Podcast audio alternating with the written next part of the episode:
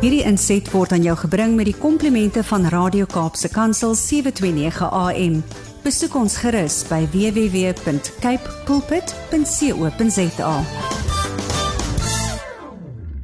Goeiemôre luisteraars en baie baie welkom by nog 'n episode van Geestesgesondheid net hier op Radio Kansel en Kaapse Kansel.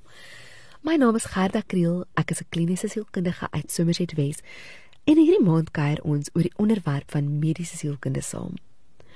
Nou as julle saam geluister het die afgelope 2 episode, sou julle hoor dat hierdie maand verduidelik ek vir julle meer oor hoe die liggaam en die siege nou verweef is met mekaar en hoe fisieke simptome of fisieke siektes soms psigiatriese simptome tot gevolg kan hê.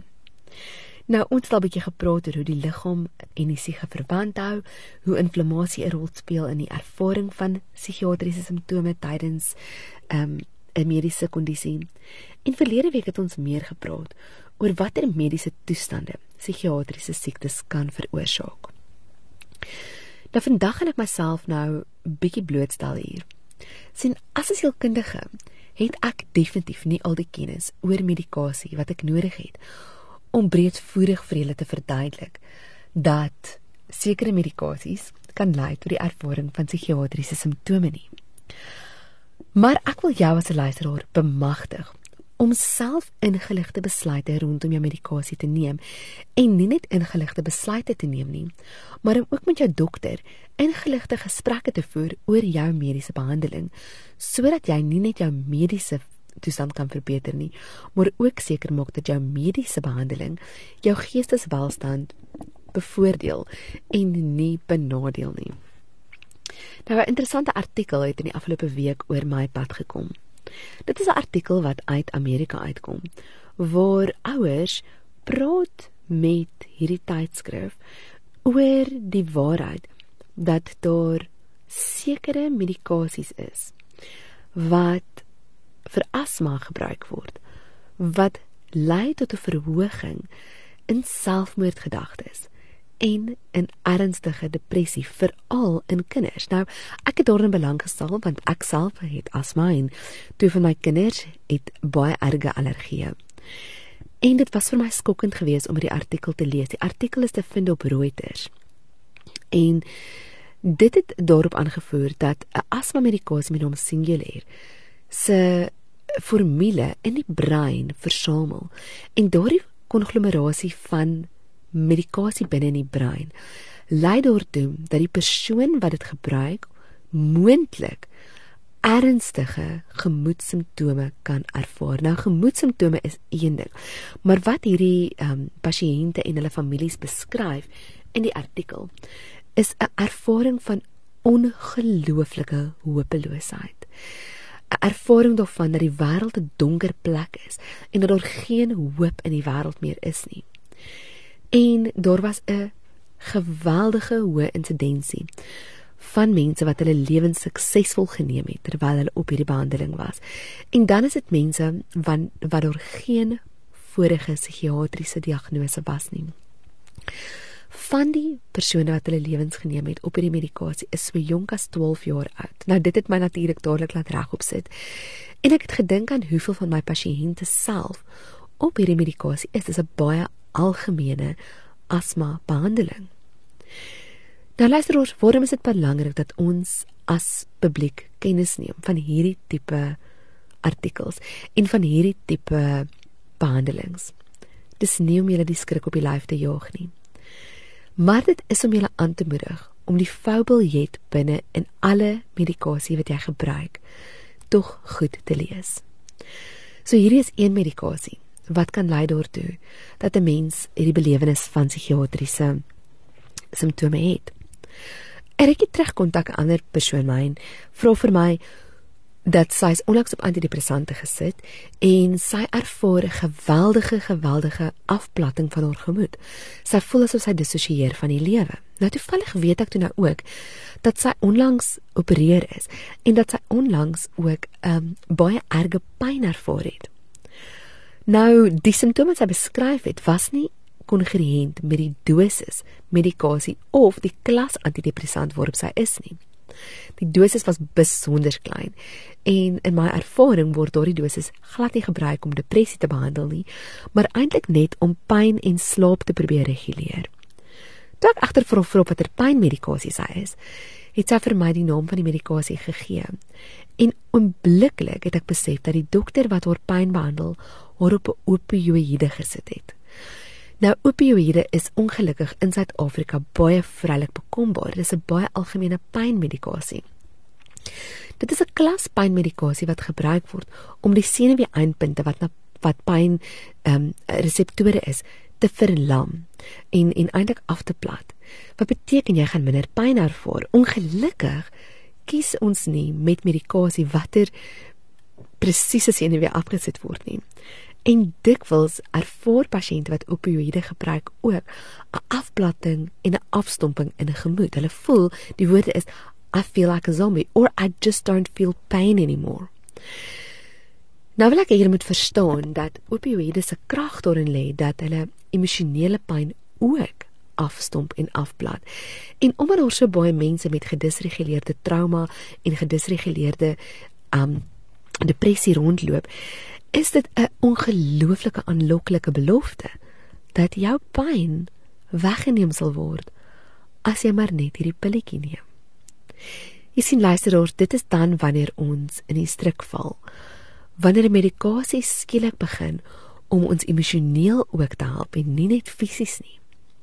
Die langtermyn impak van opioïde op die brein en op die liggaam is absoluut horribaal. Jy sien dit kan lei tot verslawing. En ongelukkig in Suid-Afrika word opioïde dikwels deur dokters voorgeskryf vir langer as wat dit veronderstel is om gebruik te word. Maar ongelukkig kan jy ook sekere opioïde oor die toonbank koop. Luister oor as jy pynmedikasie gebruik en jy het kronies pyn en jy voel dit help jou emosioneel beter hanteer word. Wil jy nie tog met jou dokter gaan praat daaroor nie? Die gebruik van opioïde is 'n krisis wêreldwyd. Jy kan daaroor gaan oplees op Google, jy kan gaan dokumentêre kyk, dit is baie baie wel gedokumenteer. In 'n poging om die publiek beter op te voed daaroor. sien opioïde vat jou pyn weg. Maar dit kan uiteindelik ook jou lewe kos. In Amerika is daar 'n geweldige groot um krisis daarmee. Um sintetiese opioïde word vervaardig en op die straat verkoop. En omdat dit nie 'n onwettige middel is nie, is dit so maklik bekombaar. Maar dit het al gelei tot die sterfte van veelvuldige jong mense, tieners en volwassenes. Kinders het hulle ouers verloor as gevolg van hierdie middel. Luisteraars, ek sê dit nie om enigiemand bang te maak nie. Weereens wil ek net hê dat jy as 'n verbruiker altyd 'n ingeligte besluit moet maak oor die medikasie wat jy gebruik. Die mediese fakulteit is 'n wonderlike wonderlike wetenskap wat lewens red en ek glo heel hartig daarin. Maar ek glo ook in die verantwoordelike gebruik van medikasie. En ek glo daarin dat ons as verbruikers baie goed opgevoed moet wees in wat medikasie aan ons liggame kan doen en hoe dit ons kan impakteer. Ons het nou eintlik net aan twee geraak asma medikasie en pynmedikasie.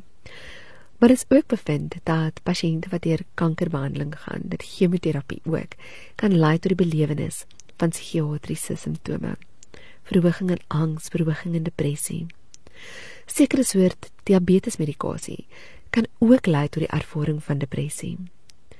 En dan is daar sekere soort medikasies wat kan lei tot 'n verhoging in angs. Luisteraars, hoe gaan ons weet? Hoe gaan ons moontlik alles weet. Wel, hier kan ons sê dat ons leef in die inligting era. Dis baie belangrik dat as jy medikasie gaan gebruik, dat jy as 'n verbruiker die fabeljet binne die medikasie sal lees en lees waar dit sê neeweffekte. Selfs ligte neeweffekte of rare neeweffekte kan moontlik plaasvind. Nou wil ek dit sê. Dis belangrik om altyd die risiko teenoor die voordeel op te weeg wat is jou risiko om 'n neeweffek te hê teenoor wat gaan die voordeel vir die medikasie wees? Nou as 'n medikasie jou lewe gaan red, maar jy gaan moontlike angs beleef, dan wil ek vir jou sê vat die medikasie, moenie wegbly daarvan nie.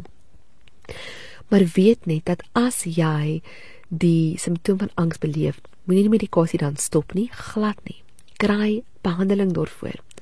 Maak seker dat jy dan eerder net vinnig by jou dokter uitkom om vra of daar nie ander medikasie is nie en met hom of haar praat daaroor dat jy hierdie simptome beleef. Luisteraars, as ons ingelig is, kan ons onsself net beter verstaan. En dan stap jy nie in die narratief in van wat is fout met my, hoekom doen ek dit, wat gaan aan met my brein, hoekom is ek so foutief nie. sien want ek stel belang in hoe ons ook oor onsself dink. En dis belangrik dat jy besef hoe jy oor jouself dink lê kragtig in jou eie hande en in jou eie denkprosesse. Bewaar jou hart. Want dit is die oorsprong van lewe. Bewaar jou gedagtes want dit voed die oorsprong van lewe. En maak ingeligte besluite wanneer dit by jou eie mediese behandeling kom. Met ingeligte besluite bedoel ek nie moenie gebruik nie, moenie 'n middel gebruik as jou dokter dit voorskryf nie. Ek sê nie hier wees skrikkerig vir die mediese veld nie. Nee, ek sê dat jy as luisteraar die verantwoordelikheid moet opneem om saam met jou dokter 'n besluit te maak oor die behandeling wat jy gaan gebruik. Praat met jou dokter as jy enige neeweffekte beleef en maak seker dat jy nie net jou liggaam nie, maar ook jou geesteswêreld in hierdie proses beskerm. Volgende week praat ons weer lekker saam meer oor wat jy kan doen as jy dink dat jy dalk 'n mediese toestand het wat bydra tot die ervaring van 'n geestesgesondheidskrisis. Luisteraars, mag julle 'n geseënde week hê en mag julle in gesondheid en in vreugde vorentoe beweeg. Totsiens. Hierdie inset was aan jou gebring met die komplimente van Radio Kaapse Kansel 729 AM. Besoek ons gerus by www.cape pulpit.co.za.